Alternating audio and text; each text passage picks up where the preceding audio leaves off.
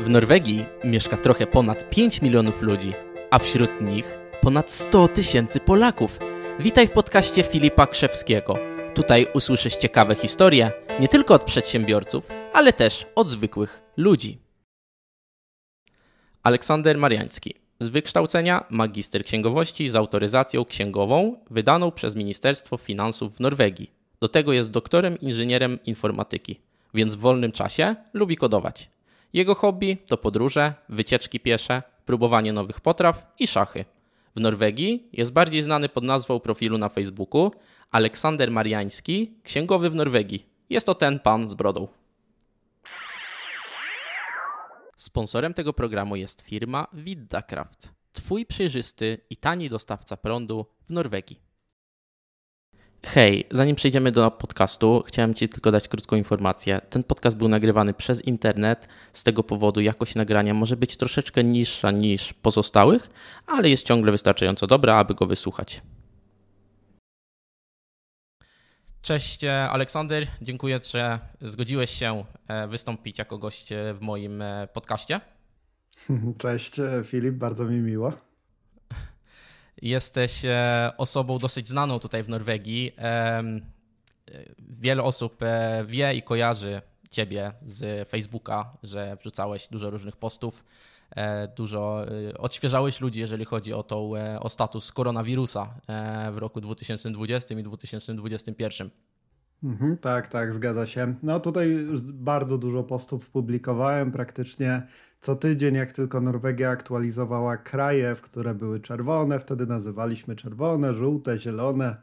Były takie różne zasady. Co tydzień praktycznie publikowałem mapkę tych krajów, która pokazywała skąd możemy podróżować, skąd będzie kwarantanna, jakie są zasady. No, również miałem przyjemność pomóc tutaj naszym rodakom, którzy utknęli na granicy albo którzy zostali bezprawnie na przykład zatrzymani w hotelu kwarantannowym. No takie twory były rodem z, jak, z jakiegoś komunistycznego państwa, no ale sytuacja wyjątkowa, wiadomo, pandemia to różne Zgadza. państwa właśnie w różny sposób e, reagowały na tą sytuację. No i między innymi tak. Norwegia wprowadziła takie, a nie inne przepisy, których musieliśmy się trzymać. No, ale wyszliśmy z tego na szczęście, więc no, wróciłem na swoje standardowe tory, czyli księgowość, rozliczenia roczne i tym podobne sprawy. Jesteś dosyć rozpoznawalną osobą facebookową w Norwegii, bo pomagasz osobom właśnie z podatkami, z księgowością, ale też jesteś tym panem z brodą. Więc opowiedz o historii z brodą. Dlaczego taka długa? No, to z brodą to się zaczęła moja historia kilka lat temu, jak e, poznałem moją obecną żonę. No, wtedy nie miałem brody. Wtedy właściwie byłem lekko tam ścięty, ale ona stwierdziła w gruncie rzeczy, że e, bardziej męscy są tacy faceci z brodą. Więc ja jako taki typowy pantofel po prostu uznałem, że no dobrze, no to sobie zapuszczę tą brodę. No i sobie zapuszczałem, zapuszczałem. No i byłem u różnych barberów, różnie mnie, tam, różnie mnie tam ścinali, niekiedy się nie rozumieliśmy zbyt dobrze. No i właśnie dlatego teraz mnie widzisz z taką krótką brodą. No, ostatnio się nie porozumiałem do końca i coś, co mm, miało być lekkim strymowaniem brody, tak. okazało się takim cięciem no, na Dość dosyć, króciutko. Tak, dosyć króciutko. Ale na szczęście mi trochę zostawił, także żona jeszcze ten, jeszcze to jakoś toleruje, ale nie może się doczekać tego, aż w końcu odrośnie. Aha, ale zdjęcia na Facebooku nie odświeżysz z krótką brodą. Nie, nie, no jeszcze, jeszcze ludzie by pomyśleli, że ktoś mi się włamał na konto, schakował. Nie, nie, to lepiej tego nie robić. Dobrze. E, w dzisiejszym programie porozmawiamy troszeczkę o tobie, E, i porozmawiamy też e, dużo właśnie o tych podatkach, o prawie w Norwegii, bo, bo jesteś po prostu osobą kompetentną, tak? Wiesz, wiesz, co robisz i masz po prostu setki czy tysiące klientów, tak, którym już pomogłeś przez te lata, jeżeli chodzi o, o właśnie ten, te tematy. Od ilu lat jesteś związany z Norwegią? Mm, no, w sumie to będzie już 10 lat. Moja historia z Norwegią w gruncie rzeczy rozpoczęła się od zapoznania się z pewnymi osobami, które chciały po prostu otworzyć biznes w Norwegii i chciały zajmować się tutaj fa fakturowaniem, księgowością i tym podobne. I wtedy jeszcze byłem studentem informatyki, właściwie, jeśli dobrze, jeśli dobrze pamiętam. I no, zgodziłem się na wykonanie zlecenia, właśnie wykonanie, wykonania programu do fakturowania, który funkcjonuje do tej pory. I tak się rozpoczęła moja historia z Norwegią, te 10, 11, może 12 lat temu. A o tym programie to nie wiedziałem. A, a jak się ten program nazywa? E, efaktury.no. To, to, ten program właściwie został utworzony przeze mnie już te 10-12 lat temu. Aha, aha. No. I w praktyce nie był aktualizowany od tamtej pory. Dalej spełnia aha. przepisy norweskiej księgowości i można tak. i, no, korzysta z niego bardzo wielu klientów tutaj. E, mhm. Głównie Polaków, ale, ale również Norwegów, czy mm, na przykład Litwinów również mamy. Mhm. E, no natomiast planujemy niedługo aktualizację, żeby trochę go odświeżyć i ten. I to jest jednak wygląd sprzed 12 lat, to Aha, rozumiem. Realia się zmieniły od tych czasów informatycznych i tego, co się oczekuje od takich programów. Zgadza się. To opowiedziałeś już troszeczkę o swoich jakby początkach tak, e, z działalnością gospodarczą w Norwegii. E, to było też jest jakby wstępem do następnego pytania. E, jak podjąłeś taką decyzję właśnie, że zakładasz firmę i z jakimi trudnościami się musiałeś zmierzyć na starcie? Mhm. Ja powiedzmy, że miałem wersję uproszczoną w porównaniu do większości osób, które, ten, które zaczynają swoją przygodę z Norwegią. Ja poznałem mhm. po prostu ludzi, którzy już byli od wielu lat w Norwegii i którzy po prostu potrzebowali czegoś więcej. Więc moja historia zaczęła się tam gdzieś tam w roku powiedzmy 2011-2012, jeśli dobrze pamiętam. E, no, natomiast e, firmę i tym podobne to założyliśmy w roku 2015. Była to od razu spółka z, z ograniczoną odpowiedzialnością.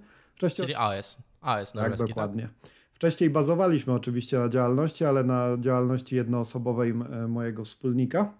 No tak. i rozliczaliśmy się po prostu przez fakturowanie. Jeszcze wtedy fakturowałem po prostu e, wspólnika z Polski E, na mhm. zasadach B2B. No, natomiast tak. później założyliśmy e, właśnie spółkę AS. No, jako tak. firma, która się tym tak czy siak zajmowała zakładaniem działalności i e, wiedzieliśmy, znaliśmy przepisy księgowe, już szliśmy, już ta spółka generalnie miała właśnie być spółką stricte księgową, więc tak. no powiedzmy, że największą trudnością na początku było znalezienie osoby kompetentnej, która mogłaby kontrolować nasze, naszą pracę ponieważ ja nie byłem wtedy autoryzowanym księgowym, to właśnie musieliśmy odszukać takiej osoby, która ma autoryzację z Ministerstwa Finansów i która może pełnić rolę tak zwanego obdraxansfarli e, w naszych kontraktach, czyli osoby generalnie odpowiedzialnej za kontrakty, przekładając to tak na język ludzki. No i e, powiedzmy, że nie było to łatwe, bo no, Norwe w Norwegii ciężko było nam znaleźć kogoś, kto by ten, kto by po prostu chciał się tego podjąć dla nowej firmy, nieznanych obcokrajowców. No ale e, zrobiliśmy to w ten sposób, że wzięliśmy sobie wszystkich autoryzowanych księgowych z całej Norwegii. Ograniczyliśmy obszar, e, ponieważ wtedy bazy były bardzo ogólnodostępne. Ograniczyliśmy obszar e, do Oslo i okolic, ponieważ tam, tam zaczynaliśmy nasze działania i, e, i wzięliśmy i po prostu je, jeden po drugim dzwoniliśmy. Aż się w końcu ktoś znalazł, ktoś odpowiedni. Aha, czyli po prostu metodą prób i błędów. Tak, tak. Więcej na pewno było błędów, bo to tak bardziej zainteresowani współpracą to była jedna na 50, jedna na 100 osób. Aha, Także naprawdę sposób. dużo telefonów trzeba było wykonać. A mówiliście po norwesku do nich, czy po angielsku? Mm, tak, ja wtedy nie umiałem w ogóle norweskiego. Mój norweski mhm. ograniczał się naprawdę do. Mm, można powiedzieć, że moja przygoda z norweskim w ogóle zaczęła się od bardzo trudnych pojęć. Czyli A, no, prędzej rozumiałem pojęcie na przykład rańska psa stemming niż tak. jakieś podstawowe słowa typu ok, eller Aha. Czyli jak spotkałeś kogoś, na, spotkałeś kogoś na przykład e, w metrze, to rozmawiałeś ze sobą o, o księgowości, a nie o, o życiu. Ciężko mi było bardzo rozmawiać o życiu, bo jakieś zwroty typu mama, czy nawet dzień dobry, to były dla mnie jeszcze wtedy obce. Aha.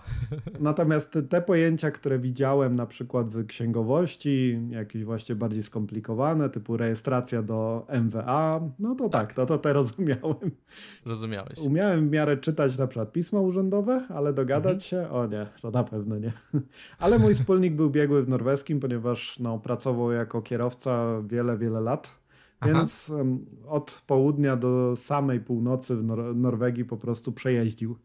No i w ramach tego jeżdżenia no, rozmawiał z ludźmi, jednym, drugim i ten. Aha. I sam również był na kursie ze SKT z księgowości. Aha. No, także on był akurat biegły w norweskim, więc on załatwiał tą sprawę dzwonienia. Aha, rozumiem, dobrze. A tak, e, że tak powiem, na początku jak otworzyłeś firmę, to już od razu wiedziałeś dokładnie, czym, w czym będziecie się jakby mm, specjalizować tak dokładnie, tak? Czyli te podatki i, i, i prowadzeniem księgowości, czy było dużo różnych obszarów? Na początku wiedzieliśmy dokładnie, czym chcieliśmy się zajmować, mhm. ale nasza historia to były również inne biznesy, o których myśleliśmy i które próbowaliśmy no mhm. i które po prostu nie wyszły. także, także w trakcie z takich ciekawszych rzeczy, no to zastanawialiśmy się nad importem pewnych rzeczy do, do Norwegii. Tak. No tutaj ten rynek można powiedzieć, że jest um, dość mocno nasycony, czyli jest mhm. bardzo dużo Polaków czy innych obcokrajowców, którzy myśleli podobnie do nas i którzy już tak. sprowadzają masę rzeczy. Aha. Z tego czasu na przykład był bardzo duży niedostatek siana w Norwegii. Aha, no, zwykłego siana, tak. Dla koni. Mhm. E, no, no to myśleliśmy też, a sprowadźmy sobie siano, co to, co to za problem. No i no, nawet, to, nawet to dobrze poszło, już sobie wszystko pozałatwialiśmy, nawet załatwiliśmy certyfikację tego siana, no bo w Norwegii tak. siano musi być również certyfikowane, jest jego poziom czystości, poziom E, mineralizacji, na, nie wiem jak to się nazywa. Tak, różne poziomy. Mhm. No, poziom takich e, substancji odżywczych dobrych dla koni albo innych zwierząt. No mhm. i dostaliśmy jakąś klasę tego siana, które, ten, które, w, które w Polsce już chcieliśmy sprowadzać. No już wszystko załatwione. No ale niestety na tyle długo to załatwialiśmy, że już się okazało, że to siano dawno staniało i już wcale nie jest takie potrzebne. Nie jest takie atrakcyjne. Dokładnie, także no musieliśmy odpuścić, odpuścić ten biznes. Rozumiem. E, przechodzimy bardziej do takich e, podatkowych rzeczy. E, co trzeba, e, czy trzeba się rozliczać podatkowo w Norwegii? No tutaj, tutaj od wielu osób usłyszymy, że tak, trzeba, że to ten jest, jest wymagane po prostu, no bo to tak jak w Polsce, idziemy i po prostu do księgowego i PITA trzeba rozliczyć. W Norwegii natomiast nie trzeba się rozliczać. W Aha. Norwegii po prostu jest to całkowicie automatyczne i jeżeli nie masz żadnych zmian w rozliczeniu rocznym, no to nie musisz się absolutnie rozliczać. Natomiast jeżeli jest coś do dopisania do rozliczenia rocznego albo coś się nie zgadza, no to z kolei twoim obowiązkiem jako podatnika jest mhm. rozliczyć się, jest dorzucić te informacje, mhm. Mm, albo może to być też korzystne ze względu na odliczenia. Także u nas oczywiście mamy usługę sprawdzenia rozliczenia rocznego, mamy, mamy usługę wypełnienia odliczeniami, w zależności właśnie od tego, czy jest potrzeba. Jak tak. sprawdzamy rozliczenia roczne, to typowo no, podstawowe rzeczy, jakie trzeba sprawdzić, no to wiadomo, no to ten, czy pracodawca prawidłowo nas raportował cały rok, czy to jest zgodność z naszymi lunch slipami, czy tak. może są jakieś rozbieżności.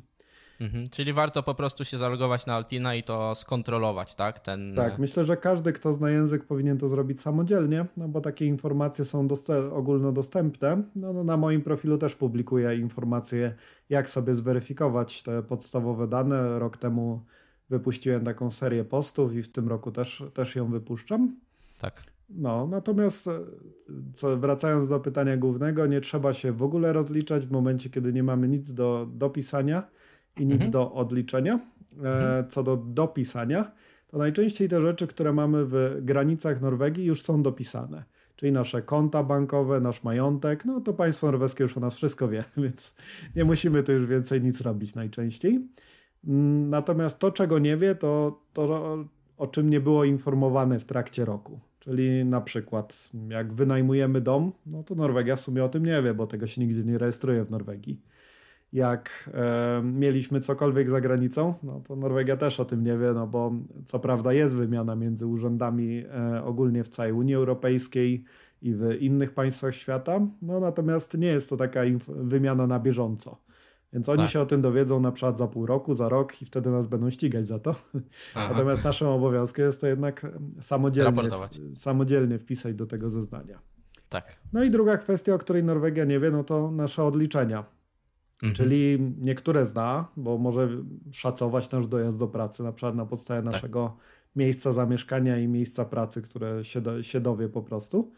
No natomiast nie jest w stanie oszacować na przykład, ile mieliśmy wydatków na nianie, bo skorzystaliśmy z tego odliczenia, albo na przykład, ile podróżowaliśmy do Polski, bo jesteśmy pendlerem. Mhm, rozumiem. Opowiedz krótko o rezydencjach podatkowych. Mhm. No, rezydencja podatkowa to jest kolejny temat, w którym jest tyle mitów, że no, po prostu można by o tych samych mitach taką dobrą książkę napisać. Wystarczy wejść, wejść sobie na Facebooka, na, na jakąś grupę, dajmy na to Skatę Etaten, czyli Skat po polsku, albo Polacy w Norwegii, dwie dobre grupy, na których jest masa dobrych informacji, ale też masa bardzo zbytecznych komentarzy. Także w skrócie, w skrócie to, to rezydencja podatkowa polega na tym, że powinniśmy mieć jedno państwo i wynika to z pewnych umów międzynarodowych, w którym rozliczamy całe dochody z całego świata. I w tym państwie mamy tak zwany nieograniczony obowiązek podatkowy. To oznacza, że wszystkie dochody z całego świata powinny w tym państwie zostać rozliczone. No natomiast, e, natomiast mamy również ograniczony obowiązek podatkowy i obowiązuje on w każdym państwie, w którym po prostu nie mamy nieograniczonego obowiązku podatkowego. Mhm. E, czyli w skrócie w każdym państwie, w którym coś pracowaliśmy, jakieś zyski osiągnęliśmy. Tak. E, może to iść również całkowicie za granicą, że nas tam nigdy nie było, bo na przykład inwestowaliśmy na giełdzie w Stanach Zjednoczonych i według ich systemu podatkowego no, również mamy pewne podatki u nich do zapłaty, ale również i w Polsce. Mhm. Jak robiliśmy nawet jakieś transakcje nieopodatkowane, no to mogą być opodatkowane w naszym e, państwie rodzimym. Więc no, mega istotne jest po prostu stwierdzenie swojej rezydencji podatkowej, mhm. bo najczęściej jak tego nie zrobimy, to państwo, państwo w którym pracujemy, e, zacznie sobie przepisywać, że to ich państwo jest te, te, państwem rezydencji. Tak. Więc jeżeli mamy sytuację taką jak wielu na przykład, że e, pracujemy sobie w Norwegii, ale również w Polsce na przykład mieszkamy, albo pracujemy w obu tych państwach, albo jeszcze lepiej w trzech różnych, tak. bo też, też mamy takie przypadki, że ktoś na przykład trochę Norwegia, trochę Szwecja, trochę Dania, trochę Niemcy, trochę Polska, no to wypadałoby ustalić tę rezydencję. No i mhm. jednym z kolejnych ważnych pytań jest to, jak ustalamy tą rezydencję. Tak. Więc taka podstawowa zasada to jest 183 dni po prostu. Każde państwo praktycznie europejskie ma tą zasadę, Polska i Norwegia również.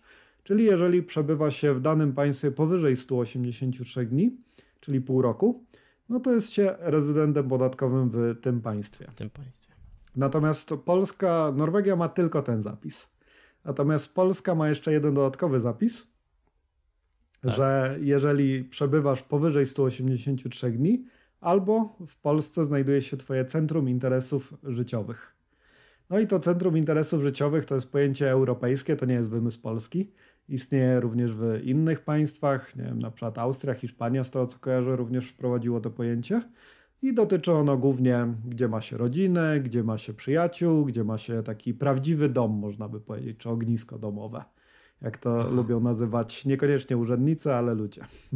Czyli Czyli wkracza, wkraczają, wkraczają e, mm, prawie, nam, prawie nam do domu i się interesują, e, interesują się więcej o nas. tak, tak, dokładnie. No wielu z nas już miało tą przyjemność zobaczyć po prostu na ile oni już są w stanie wkroczyć do naszych domów, dostając mhm. po prostu w Norwegii informację, że pewne konta bankowe w Polsce, które mamy, to oni już o nich wiedzą, pomimo że my na przykład już o nich sami zapomnieliśmy. Aha, w ten sposób nawet. Tak, tak. To wiele, wiele osób ma ten problem teraz, że właśnie skąd oni wiedzą o moim koncie, skąd oni wiedzą o mojej lokacie. No wiedzą, wiedzą, bo jest właśnie duża wymiana informacji europejska. Mhm. Więc wracając jeszcze co do określenia rezydencji, o to jest takie istotne. Także w skrócie, jeżeli jesteśmy ponad pół roku w Polsce, no to jesteśmy rezydentem Polski. I to nie ma o czym, nie ma o czym mówić, bo po prostu mówię o tych przepisach polsko-norweskich. No bo w Norwegii nie jesteśmy rezydentem, a w Polsce jesteśmy. Tak. Natomiast jeżeli jesteśmy ponad pół roku w Norwegii, no to trzeba rozważyć, czy w Polsce nie mamy centrum interesów życiowych. Nie? Czyli czy nie mhm. mamy tam na przykład najbliższej rodziny, czy nie tak. mamy tam stałego domu, czy na przykład nie jeździmy tylko popracować i wrócić do Polski, żeby to, te całe pieniądze wydać w Polsce mhm. i tym podobne. Także to jest me mega istotne i mhm. może nam wyjść zbieg przepisów, czyli w Norwegii jesteśmy ponad te 183 dni, ale w Polsce mamy centrum interesów życiowych. No i wtedy zaczyna się korzystać z umowy o unikaniu podwójnego opodatkowania między Polską a Norwegią. I tam sobie sprawdzamy po kolei. My zrobiliśmy takie, takie specjalne narzędzie, które może Ci się uda podlinkować do sprawdzania rezydencji e, podatkowej. Dobra. I w ramach tego po prostu odpowiada się na kilka pytań, które są wprost wzięte właśnie z umowy o unikaniu podwójnego opodatkowania między Polską a Norwegią. I te odpowiedzi dadzą nam obraz, taki przynajmniej mniej więcej, gdzie jesteśmy rezydentem podatkowym. E, no i podstawowe pytania to dotyczą oczywiście rodziny, tego gdzie, gdzie mamy stałe miejsce zamieszkania, na końcu, na, na końcu nawet gdzie jesteśmy obywatelem. Natomiast nie da się wymiksować z rezydentury z Polski, na przykład przez załatwienie sobie certyfikatu rezydencji podatkowej, czy przez wymeldowanie się z Polski, czy przez zgłoszenie do Urzędu Skarbowego zmiany adresu. To są nieskuteczne po prostu środki. Urząd Skarbowy ma o nas tyle informacji, że jest w stanie się dowiedzieć po prostu i zapytać nas i kazać nam przedstawić dodatkowe dowody. No oczywiście dzieje się to, jeżeli ma jakieś solidne podstawy do tego i najczęściej nie nęka ludzi tak o po prostu, e, czyli nie, nie napisze do, nagle do wszystkich osób mieszkających w Norwegii o tym, ale ma swoje, ma swoje takie założenia, czyli ten, czyli podstawowa, kto się nie wymeldował jeszcze z Polski, kto nie zmienił adresu, więc na pewno pewnymi środkami można zmniejszyć szanse na kontrolę i żeby nas Urząd Skarbowy w Polsce nie nękał. Rozumiem. Jestem zwykłą osobą, e, pracuję w Norwegii, mam tutaj e, może mieszkanie wynajmuję, mm, trochę jeżdżę do pracy, trochę jeżdżę do Polski e, i się kontaktuję z Tobą. Rozliczenie podatkowe. Na jakie zwroty mogę liczyć? Mhm. No, na zwroty to, to ten. To trzeba by się zastanowić, czy przypadkiem w Polsce nie masz dopłaty, ale ten. Ale jeżeli, jeżeli rozmawiamy o zwrotach, to możemy je podzielić na kategorie takie związane z pracą, no w samej Norwegii mówię, związane z pracą, związane z rodziną i generalnie taka podstawa, podstawa do tego, no to powiedzmy, że zacznijmy może od tych związanych z pracą, czyli na przykład dojazdy do pracy są stosunkowo popularnym odliczeniem. Mm, ostatnio nawet to liczyłem, że wystarczy jakieś 21 km w jedną stronę do pracy, żeby już być na tej granicy odliczenia. Tutaj e, generalnie mamy odliczenie po prostu za kilometr dojazdów prywatnym autem do, do pracy. No i tam jest jeszcze wkład własny i ten wkład własny nam robi to, że jest taka dolna granica.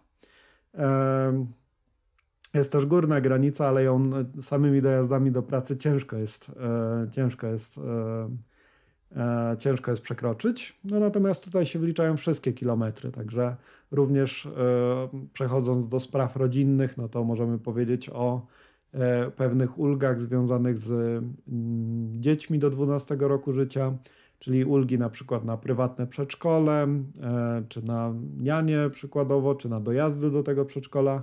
Również to możemy sobie wrzucić w zeznanie roczne. Podatkowe i sobie, i sobie tutaj to poodliczać.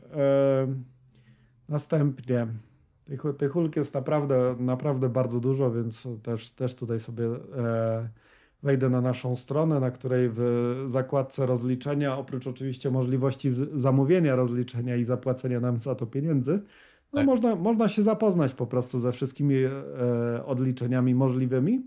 No i samemu mhm. zdecydować, czy zna się norweski na tyle, żeby to samodzielnie wpisać, czy może, może, może jednak ten skorzystać z naszej pomocy.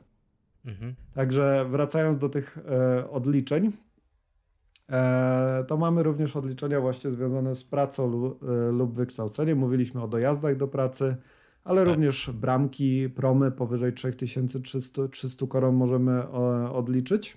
Tak. E, jest też standardowe odliczenie, które jest bardzo często mylone i na to warto zwrócić szczególnie uwagę.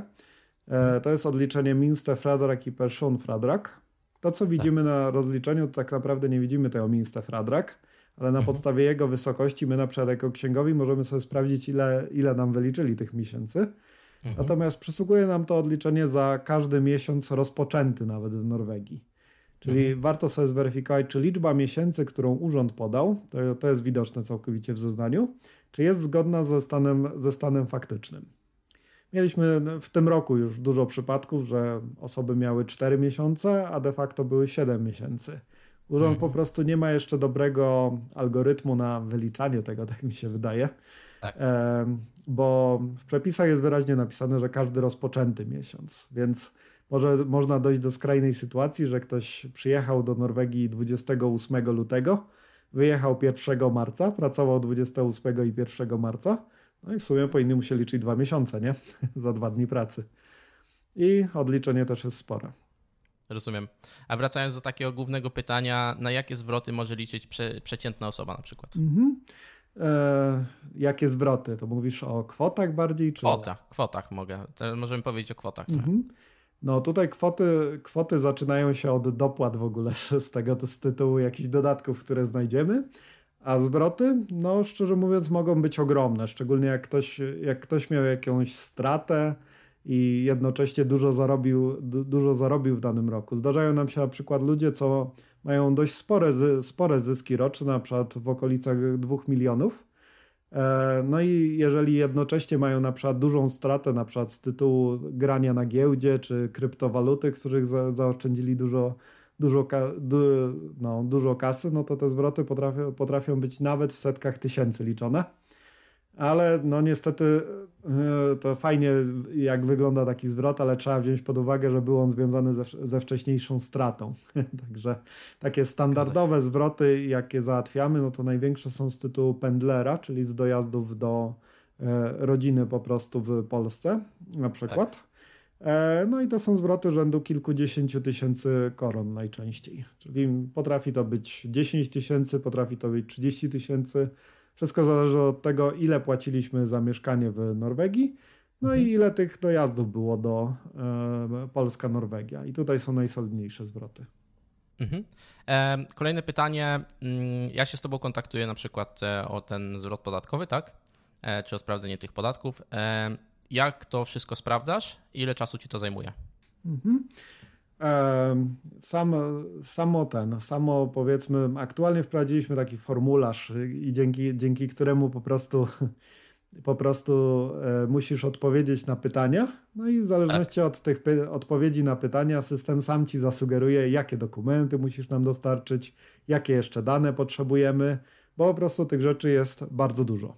Także samo przeprowadzenie rozmowy, na przykład na podstawie której dowiem się, czy rzeczywiście wszystko jest ok, no to powiedzmy, że pierwsze, pierwsze 10 minut to jest zalogowanie się na Altin i zobaczenie, czy tam na SKT aktualnie, i zobaczenie, czy z Twoich e, wyciągów z wypłat wszystko jest zgodne i wszystko jest spisane na e, SKT Teraz rzadko się zdarzają błędy, ale zdarzały nam się sytuacje, że wychodziło, że ktoś, że pracodawca w ogóle nie raportował wypłat, a niby dawał wyciągi z wypłat. No i to trochę się kwalifikowało już na zgłoszenie do SKT Etaten czy do EcoCrim, czyli do policji, krymina, policji takiej ekonomicznej w Norwegii. Kryminalnej, tak, tak. A to jest dodatkowe, to jest kolejne pytanie, to jest e, kolejne pytanie, więc zaraz do tego przejdziemy. Dobra, to o tym, o, to, to, to ten, to na razie odpuszczam ten temat. No natomiast później kolejna rzecz to jest sprawdzenie ewentualnych doliczeń i odliczeń, czyli muszę zapytać o wszystkie rzeczy. Czyli czy na przykład masz rodzinę, czy masz dzieci poniżej 12 roku życia, czy masz na przykład podróże do Polski, czy jesteś pendlerem i zadać serię pytań dotyczących mhm. pendlera.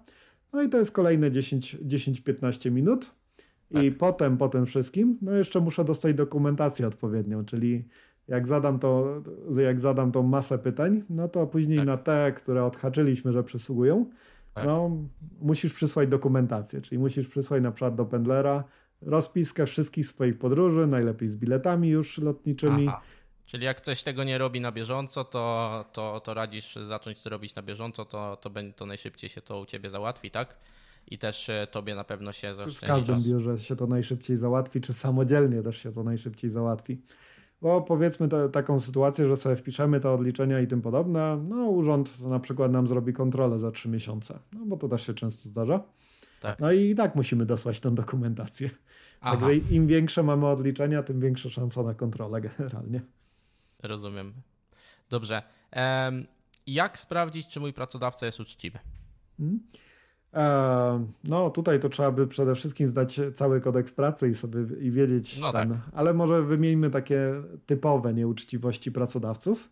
Mhm. Taką typową nieuczciwością jest niewypłacanie do, dodatku za nadgodziny i generalne lawirowanie z godzinami.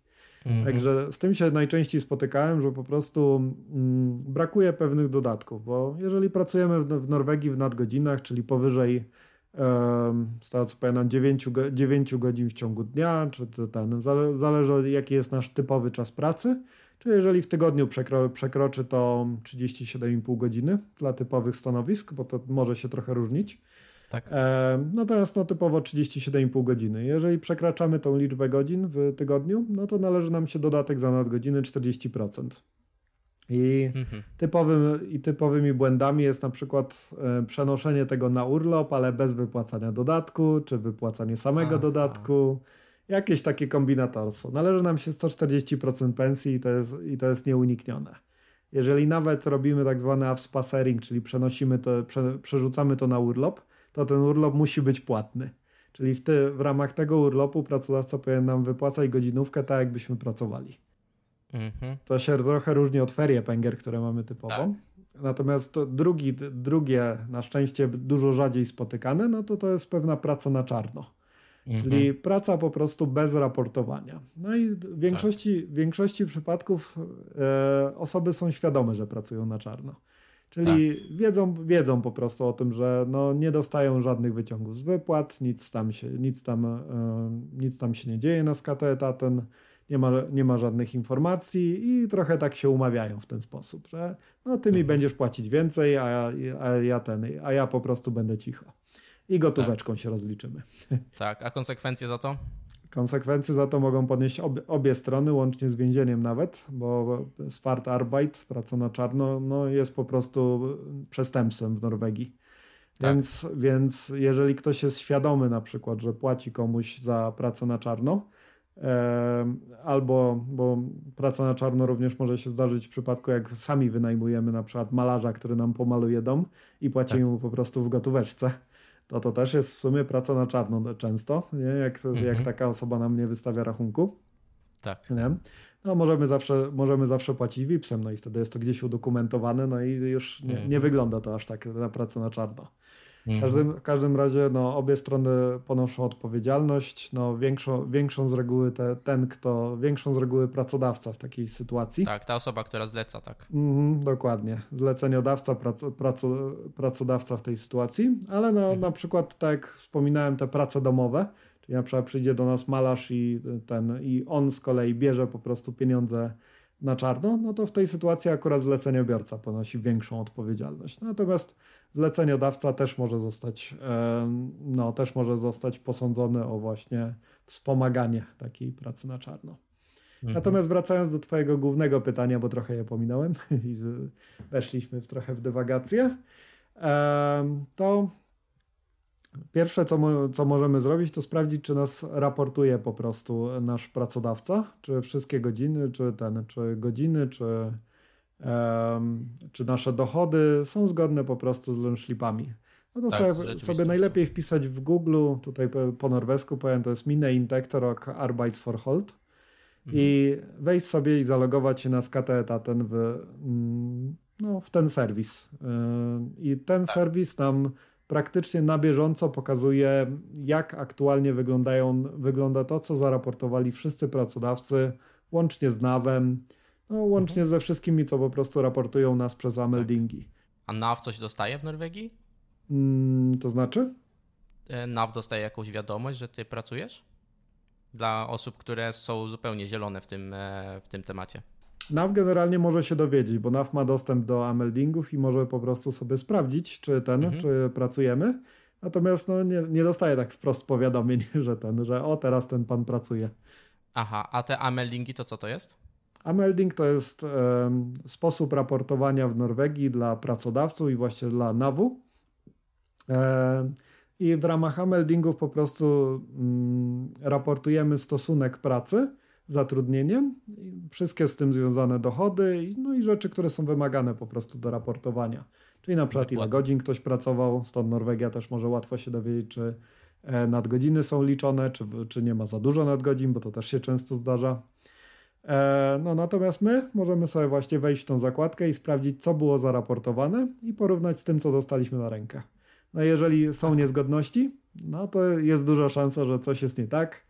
No ewentualnie zdarza, zdarza się, że po prostu coś nie zostało doraportowane jeszcze, a księgowa już to robi. Takie wytłumaczenia też często słyszałem, że Aha, coś nie było zaraportowane sprzed 3-6 miesięcy. Tak Mm, no i tłumaczenia były z reguły, no tak, tak, wiemy, księgowa już to robi, a mieliśmy problem, bo zmieniliśmy księgową i Aha. tym podobne. Ja nie zajmuję się kwestiami prawnymi, także to tylko po prostu przekazywali mi, przekazywały mi osoby, które, ten, które miały z tym problem.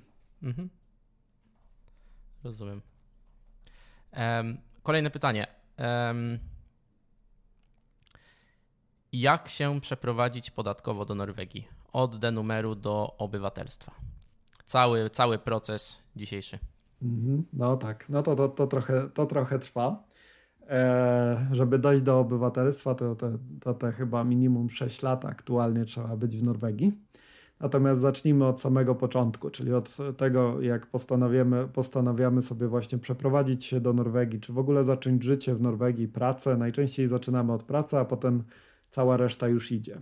Więc na początek oczywiście robimy te rzeczy, które nie dotyczą tych urzędowych spraw, czyli mm, powiedzmy szukanie sobie lokum, szukanie sobie pracy i tym podobne. Także tutaj zakładam, że po prostu to jest taki dodatek, który każdy zrobi po swojemu, bo niekoniecznie ludzie się przeprowadzają też ze względu na pracę. Mam klientów również, którzy na przykład prowadzą działalność w Polsce e, albo są emerytami i stwierdzili, że chcą teraz żyć sobie w Norwegii E, albo jeszcze inne sytuacje po prostu. Także każdy różnie, ale powiedzmy to standardową drogą jest, że zaczynamy od pracy. Tak, czyli trzeba wyjechać do Norwegii, znaleźć sobie pracę, a można pracy najlepiej szukać z Polski i wtedy przyjechać do Norwegii i po prostu podpisać kontrakt o pracę, czy, czy lepiej przyjechać od razu tutaj, znaleźć tutaj pracę i co dalej? E, tutaj no, ciężko mi się wypowiadać na temat rynku pracy. Pewnie będziesz miał kogoś z rynku pracy, kto, kto tam też, też zna się lepiej na tym temacie. Mhm. To, co wiem e, od ludzi, no to szansa, szansa na to, żeby po prostu wyjechać i znaleźć pracę jest dużo, dużo niższa niż było to na przykład 10-20 lat temu. Tak. Także, także ja osobiście bym się raczej po tych komentarzach nie skusił e, mhm. i raczej bym szukał pracy bezpośrednio już e, w Polsce. Wiele tak. osób poleca na przykład korzystanie z agencji pośrednictwa pracy na początek, a dopiero później znalezienie pracy u norweskiego pracodawcy bez pośredników. Tak, zgadza się. I jak już przyjedziemy do Norwegii, to co trzeba dalej robić? Mhm. Jak już przyjedziemy do Norwegii, no to warto zacząć od e, podpisania właśnie kontraktu na pracę. Pamiętajmy, że pracodawca ma obowiązek z nami podpisać kontrakt pisemny, więc no, więc nie powinien z tym zwlekać. Jeżeli zwleka, jeżeli wymiguje się, jeżeli trwa to ponad tydzień, no to jest coś już w tym podejrzanego. Mhm. No, i, no i druga rzecz, no to kontrakt na mieszkanie najczęściej. Gdzieś, musi, gdzieś musimy mieszkać, czasami nam to pracodawca załatwia. W każdym razie tak czy siak musimy e, mieć taki kontrakt, no choćby dlatego, że prawo nas wtedy chroni przed na przykład jakąś eksmisją e, nieuprawnioną. Tak. Także warto po prostu. Zrobiłem też swego czasu właśnie materiał o tym, jakie jest prawo związane z wynajmem, no i e, mm, wynajmują, nie, najmujący, najemca Zawsze tak. mi się mylą te dwa pojęcia. e, czyli ten, kto po prostu mieszka, e, ma bardzo duże prawa właśnie w, w Norwegii, nawet podwyżki cen i tym podobne. To wszystko jest regulowane prawnie. Więc e, warto po prostu mieć ten kontrakt i też znać swoje prawa, zarówno w obrębie prawa pracy, jak i właśnie w obrębie najmu mieszkania. Natomiast kolejna rzecz, już, już tam jesteśmy, super, dostaliśmy kontrakt, no to wypadałoby zrobić sobie D-numer tak zwany. To tak. jest nasz numer identyfikacji podatkowej. D-numer, nie wiem skąd literka D pochodzi, ale w każdym razie jest to numer tak zwany tymczasowy. Czyli jest to numer dla ludzi, którzy nie planują tutaj być dłużej, ale tak czy siak, nawet jeżeli planujemy się tu przeprowadzić, już nawet się przeprowadziliśmy, to tak czy siak urzędy w większości przypadków nam odbyją wydania numeru personalnego, który będzie naszym kolejnym krokiem. Tylko na początku wydadzą nam właśnie denumer. Denumer można na dwa sposoby w gruncie rzeczy wyrobić. E, pierwsze to pracodawca za nas to robi. My natomiast jedynie co wtedy musimy zrobić, to udać się do urzędu na Identitets Control, czyli kontrolę tożsamości. Sprawdzają po prostu, czy nasze dane się zgadzają, wpisują nas do systemu. OK, mamy ten numer gotowe. I to trwa po prostu chwilę, tak? Tam w urzędzie po prostu załatwiają od razu. Tak, tak. Jeżeli jest tylko ten ID control, czyli kontrola tożsamości, to to, to, to, to, to jest chwila. Po prostu tak. umawiamy się na określoną na określony Godzinkę. dzień, na określoną godzinę w urzędzie, który nam najbardziej pasuje. Nie musi być rejonowy, może być jakikolwiek w Norwegii w gruncie rzeczy, byleby obsługiwał właśnie to ID control. Tak. E, no i to, i, to, i to sobie załatwiamy. No i, no i jeżeli mm, pracodawca nam załatwił kartę podatkową, w Norwegii jest coś takiego jak karty podatkowe dla tych, co nie wiedzą. Karty podatkowe określają, w jaki sposób będziemy płacić zaliczki na podatki. Więc są dwa główne typy, właśnie SILD-SCAT 25% i zasady ogólne. E, jeżeli wybierzemy SILD-SCAT 25%, czyli PEI też to się nazywa, no to, tak. no to ten, no to możemy zawsze z tego zrezygnować, więc jeżeli ktoś nie wie co wybrać i nie orientuje się zbytnio w podatkach, to zawsze lepiej wybrać te 25%, a potem sobie poczytać u mnie, czy to mu się opłacało i najwyżej zrezygnować. Można mhm. nawet do 3 lat wstecz, więc nie ma, nie ma, nie ma z tym żadnego problemu.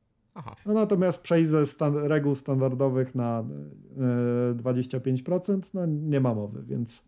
Aha, czyli lepiej najpierw wybrać ten 25%. E, mhm. Tak, tak. No, na początek przynajmniej. A jeżeli ktoś już, jeżeli ktoś zna swoją sytuację i wie, ile zarobi i przeczytał na przykład u mnie, że wtedy mu się bardziej opłaca reguły standardowe, bo dla większości bardziej się one opłacają, no to warto od razu wybrać te reguły standardowe, tak zwane. Mhm. A ta druga forma założenia denumeru? Mhm. Druga forma to jest, że sami udajemy się do urzędu z kontraktem o pracę i, mhm. przycho- i przychodzimy i mówimy, my tu będziemy pracować, umawiamy się tak samo na termin mhm. i wtedy mm, bierzemy wniosek o skatekor, czyli właśnie kartę podatkową, tak. wniosek, o wydanie, wniosek o wydanie denumeru, no i w, mm, on, jest, on jest łącznie z to, co pamiętam, z wnioskiem o kartę podatkową. Tak. Dajemy, dajemy to w urzędzie i, dostaje, i dostajemy właśnie denumer. E, no, jak dostaniemy denumer, no to, no to już de facto jesteśmy w stanie się rozliczyć z urzędem, mieć jakiś kontakt z urzędem. On już zna, mamy identyfikator, jesteśmy oznaczeni jakoś w Norwegii. Tak, a ile czasu można mieć denumer? Jest jakieś ograniczenie na to i kiedy się dostaje zwykły numer, e, paszun numer czy ten Fetzels numer? Nie ma właściwie ograniczenia czasowego na denumer. Są osoby, które nawet kilkanaście, kilkadziesiąt lat mogą być na denumerze. Wszystko zależy od naszej sytuacji. Także teraz, teraz jedyny problem z denumerem, że kiedyś one były po prostu sobie funkcjonowały latami i nie ma problemu. A obecnie denumery mają ograniczenie czasowe 5 lat. Co oznacza, że po 5 latach jest deaktywowany, co nie oznacza, że jest usuwany. Aha. Oznacza to tylko tyle, że musimy go aktywować ponownie. E, to Norwegia wymyśliła głównie w celu lepszej kontroli tożsamości osób, żeby wiedzieć też, kto jeszcze jest w Norwegii, kto. Tak, tak rozumiem. Więc no po prostu teraz trzeba to, trzeba to robić. No tak czy, tak czy siak nie jest, e, nie ma ograniczenia czasowego. Czyli głównie osoby, które na przykład sobie tam wyjeżdżają od czasu do czasu do Norwegii, na przykład z wakacji na wakacje, tam, że tak powiem, zbierać truskawki, jak to kiedyś było popularne tak. E, no, czy po prostu jakaś praca wakacyjna, jakieś dodatkowo, no to mhm. mogą mieć i latami ten denumer. Mhm. No, wiele osób, które w sumie na stałe są w Norwegii, mają również latami denumer, bo na przykład, nie wiem, rodziny mają w Polsce i nie chcą im przyznać numeru personalnego. Aha, w ten sposób. To są różne zasady, no. A przyznanie numeru personalnego jak działa? Mhm, no to, to, to przejdźmy sobie po kolei jeszcze, żeby, żeby ten. Drugim, drugą ważną rzeczą jest rejestracja w UDI, czyli w mhm. Urzędzie dla Obcokrajowców. Z tak. tego co pamiętam, to jest Utlandings Direktorate. Tak, zgadza się. No to, no to kolejną rzeczą jest właśnie załatwienie tych formalności, czyli rejestracja naszego pobytu. Tutaj mhm. też zaznaczam, bo wiele osób myśli, że właśnie trzeba się starać o tak zwane pozwolenie e, o pracę i o pozwolenie e, na pobyt, czyli Arbeitstilatelse i Opholdstillatelse. Natomiast my, jako obywatele Unii Europejskiej, nie mamy absolutnie takiego obowiązku. My mamy jedynie obowiązek rejestracyjny, jeżeli nasz pobyt w Norwegii będzie trwał 3 miesiące lub więcej. Czyli wtedy, wtedy mamy obowiązek po prostu rejestracji. No i mm, rejestracja, rejestracja polega na po prostu rezerwacji terminu e, na policji, przedstawieniu tego, że no, tu, tu już będziemy powyżej 3 miesięcy i okej, okay, dostajemy Registering z Bevis tak zwane, czyli potwierdzenie rejestracji i nie są żadnym dokumentem, który coś nam daje dodatkowo czy ten, ale umożliwia podjęcie dalszych kroków. Także przechodząc do kolejnej rzeczy, o, o której właśnie mówiliśmy, czyli do mhm. numeru personalnego. Numer, tak. numer, personalny, numer personalny właśnie możemy dostać tylko jak mamy to potwierdzenie rejestracji, czyli ten registering z Bevis z policji. E, nie musimy mieć w teorii numeru, ale ten, ale w praktyce rzadko kto dostaje tak od ręki po prostu numer personalny. To trzeba mieć solidne podstawy do tego, że rzeczywiście się przeprowadziliśmy tutaj do Norwegii. Czyli łatwiej by było komuś, kto jest samotny i kupił dom tutaj i nie ma nic w Polsce, a z reguły ludzie po prostu ten E, przyjeżdżają, może rodzina się sprowadzi czy nie, a dla Urzędu Skarbowego jest poważną przesłanką do tego, że nie będziemy tu mieszkać na stałe, że mamy rodzinę w Polsce. Mhm. Więc, w takiej, więc w takiej sytuacji, jak już, jak już jednak decydujemy się na tą przeprowadzkę, no to albo e, no właśnie taka przeprowadzka powinna iść z całą, z całą rodziną, z, z żoną, z dziećmi. I wtedy, jest to, I wtedy jest to dla urzędu oczywiste, że ok, przeprowadzamy się. Z reguły też nie dostaniemy tego szybciej niż właśnie po tych trzech miesiącach. I taką podstawą jest udowodnienie tego, że rzeczywiście będziemy tu powyżej pół roku. I udowadniamy to z reguły w ten sposób, że przynosimy kontrakt na pracę, który jest ważny dłużej niż pół roku. Hmm, na przykład zabieramy ze sobą, ze sobą całą rodzinę i rodzina również się rejestruje przeprowadzkę do Norwegii, tak. jeżeli mamy rodzinę oczywiście. Mhm. E Następnie wyciągi z wypłat są też dość istotne. Urzędy lubią sobie je sprawdzić i sprawdzić, sprawdzić. czy rzeczywiście pracujemy u jakiegoś norweskiego tak. pracodawcy. No i z tym, z tym wszystkim właśnie już e, składamy wniosek o denumer. Właściwie to się składa wniosek o przeprowadzkę do Norwegii. Tak. Natomiast konsekwencją tego złożenia tego wniosku jest otrzymanie numeru personalnego. Aha. I z numerem personalnym można powiedzieć, że jesteśmy zameldowani w Norwegii i jesteśmy traktowani jak mieszkańcy Norwegii, ale nie ukrywam, że trochę drugiej kategorii jednak. Mhm. W kontekście, że są pewne rzeczy, które nam i tak nie przysługują, ale przysługuje nam już praktycznie rzeczywiście bardzo dużo. E, tutaj jeszcze ważną rzeczą, o której zapomniałem, to niezależnie od tego, czy mamy D-numer, czy, czy numer personalny, czy person numer, to istotne jest zarejestrowanie się na platformie Altin. E, przyjdą, przyjdą nam kody na właśnie nasz adres e, po to, żeby, po to, żeby po prostu mieć kontakt z urzędem, żeby mieć dostęp do mhm. swojego zeznania podatkowego, no i ogólnie, żeby wszystkie sprawy urzędowe i korespondencja mogły tam trafić.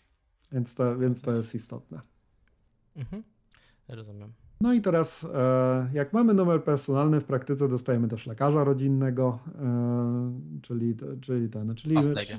Mhm, dokładnie, fastlegę, czyli mamy, czyli mamy już dostęp do norweskiej służby zdrowia. No i tutaj mhm. jesteśmy traktowani właściwie tak jak Norwegowie, no ale dalej, dalej mamy pewne, pewne, pewne braki.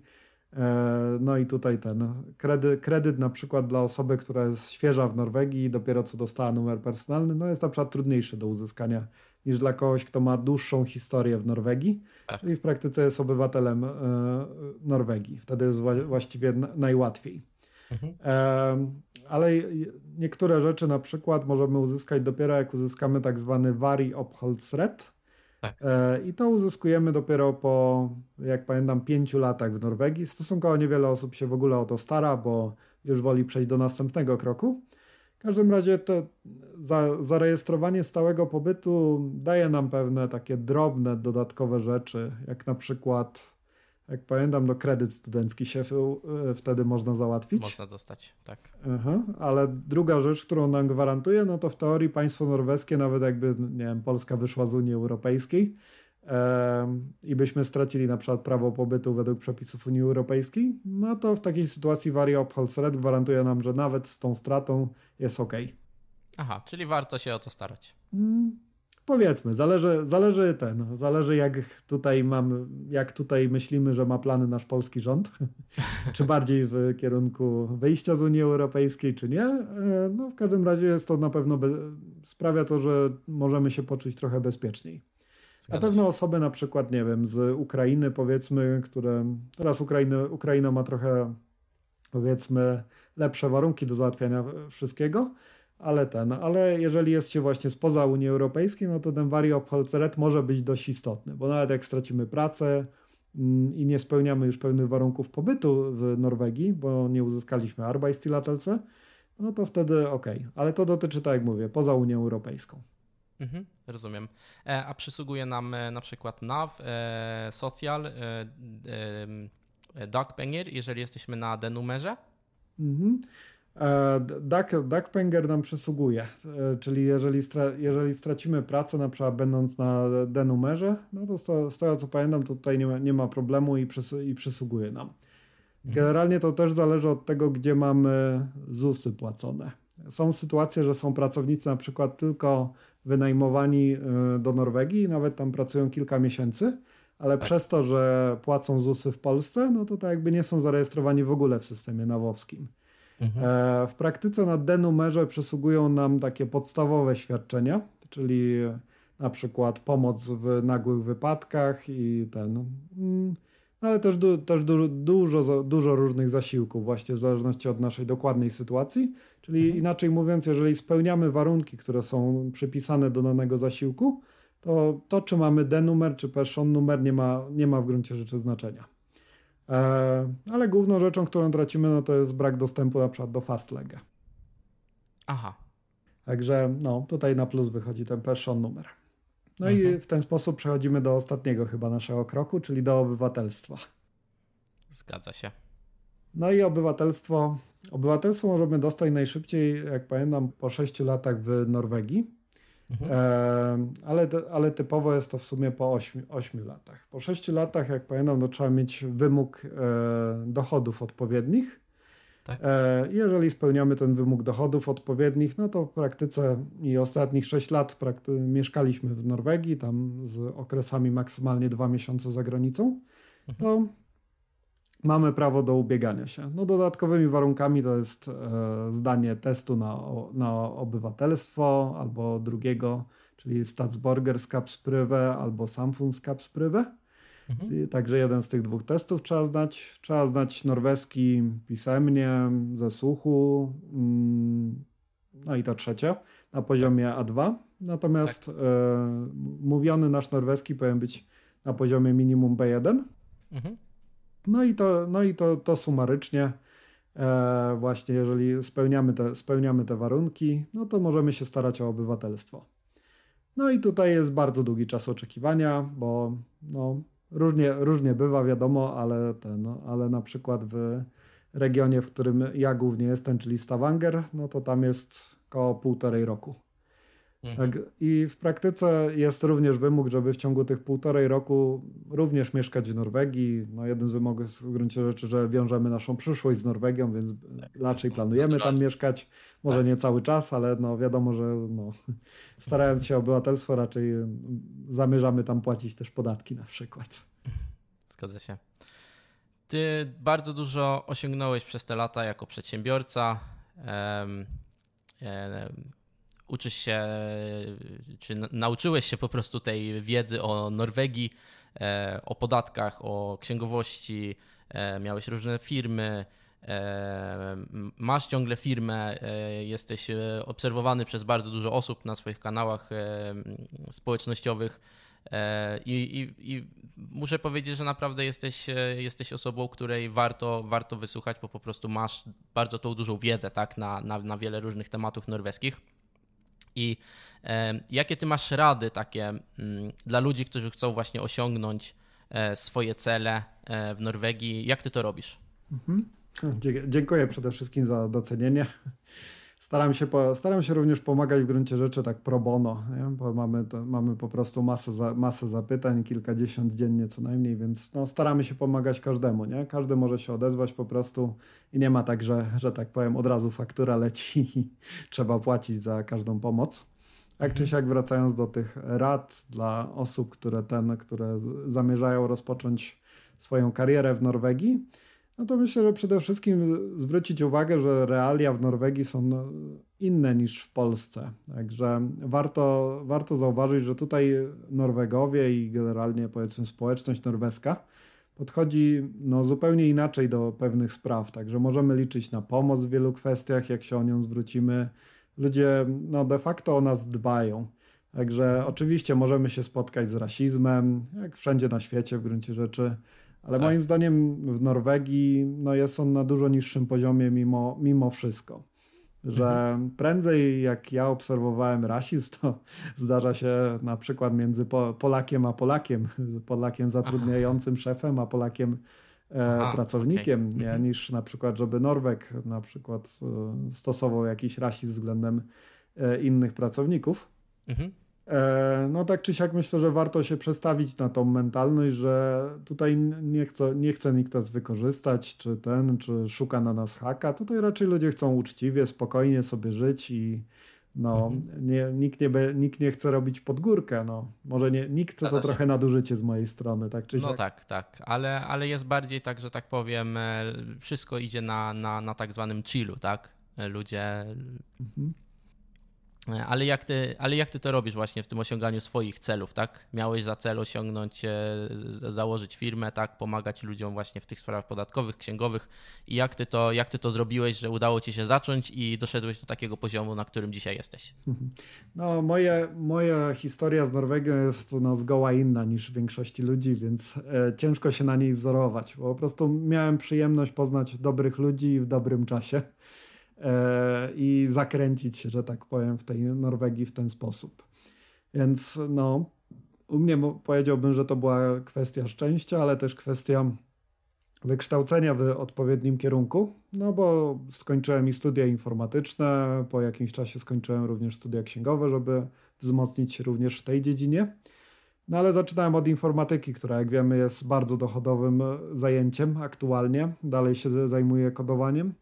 E, nie, nie, tylko hobbystycznie, również, również, również mhm. zawodowo w ramach naszych aplikacji wewnętrznych. Tak. E, no, natomiast właśnie myślę, że jak ma się, ma się takie zaplecze, wy, wykształcenie, no to no jest po prostu łatwiej, nie? Więc natomiast co do osób, z którymi się spotykam i które, które ten niekoniecznie, ma, niekoniecznie mają bardzo właśnie zyskowne wykształcenie, no to po prostu ja widzę wiele osób, które ten, które bez problemu też sobie radzą i osiągają niesamowite sukcesy w Norwegii. To, co myślę, że jest istotne, no to oprócz tego, co mówiłem o nauczeniu się nowej mentalności, to też istotna jest oczywiście nauka języka, żeby skrócić ten dystans, mhm. ale też zdawanie sobie sprawy z tej różnicy w osobowości takiego, nazwijmy to, typowego Norwega że to, co my traktujemy jako zimne, nieprzystępne i tym podobne, to dla Norwegów po prostu jest szczerym, typowym, zwykłym podejściem.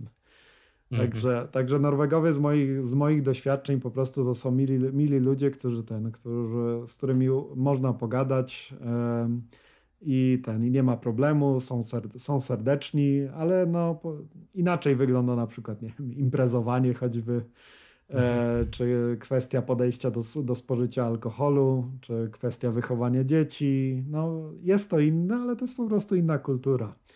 Więc idąc jeszcze do innego aspektu, czyli generalnie związanego z pracą i tym podobne, myślę, że warto się po prostu rozwijać w swojej pracy.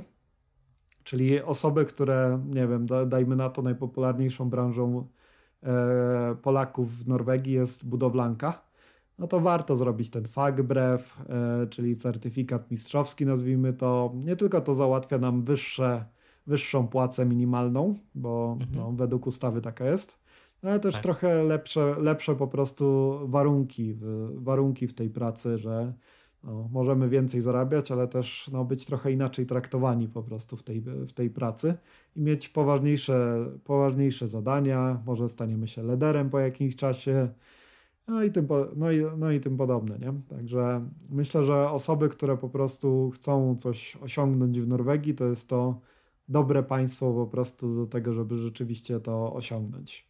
Niektórzy piszą, że Norwegia się skończyła. dla, mnie, dla mnie tutaj jest nie, dla mnie tutaj jest właśnie są niesamowite możliwości do osiągnięcia swoich celów, że tak powiem. Norwegia się dopiero zaczęła. Można tak powiedzieć, że tak powiem, nowe złoża ropy ostatnio Equinor wykrył, to, tak. może, to może to być również okazja do pracy w tym rejonie. Co by nie mówić, branża olejowa to jest branża, która ma najwyższe średnie zarobki. Sam robiłem mhm. reportaż o tym, więc jeszcze pamiętam. Mhm. Także myślę, że warto właśnie inwestować w swój czas i właśnie wykształcenie. No tak, dokładnie, w siebie. Czas i pieniądze w siebie. To jest najprostsza metoda właściwie na sukces. Myślę, że wszędzie na, wszędzie na świecie. Wiadomo, że w Norwegii jest dużo łatwiej z sukcesem mhm.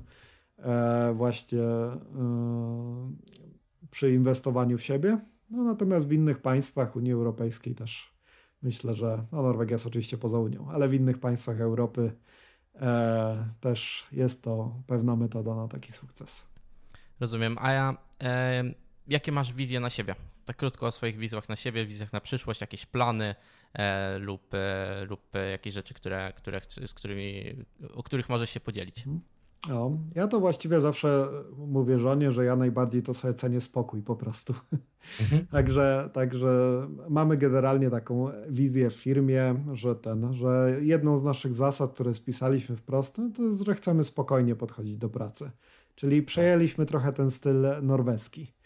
Więc mhm. to, nam, to nam przyświeca i nie wiem, na przykład jak współpraca się nie układa, jak ten z klientem, no to my wolimy zakończyć tą współpracę po prostu E, polubownie, jeśli po prostu nie możemy się dogadać. Także tak. to jest jeden z moich głównych celów, żeby być tak spokój, a tak to nadal chciałbym po prostu rozwijać, e, rozwijać się w Norwegii, rozwijać swoje działalności księgową, związaną z rozliczeniami pomocą urzędową i też dalej świadczyć po prostu takie usługi pro bono i tym podobne.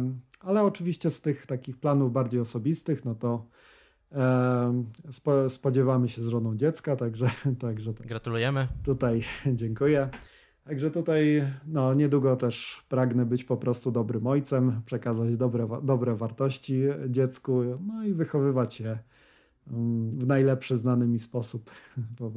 Taki, mm, w ten sposób bym powiedział. No natomiast mhm. z innych planów, no to oczywiście chciałbym dalej kontynuować swoją pasję podróżowania i, zwiedzać tak. jak najwięcej zakątków. Też nie ukrywam, że ceny biletów lotniczych podrożały dość mocno w ostatnich tak. latach, także to kiedyś było łatwiejsze, bym powiedział. Zgadza się. Super, super e, plany na, na, na, na przyszłość i, i, i dziękuję Ci za, dziękuję Ci za wystąpienie w moim e, podcaście. Dziękuję, dziękuję Ci również, Filip, bardzo mi było miło. No i cóż, no zachęcam również do, ten, do korzystania tutaj z wiedzy Filipa na temat e, energii elektrycznej w ramach jego projektu VidaCraft. Dziękuję Tobie też.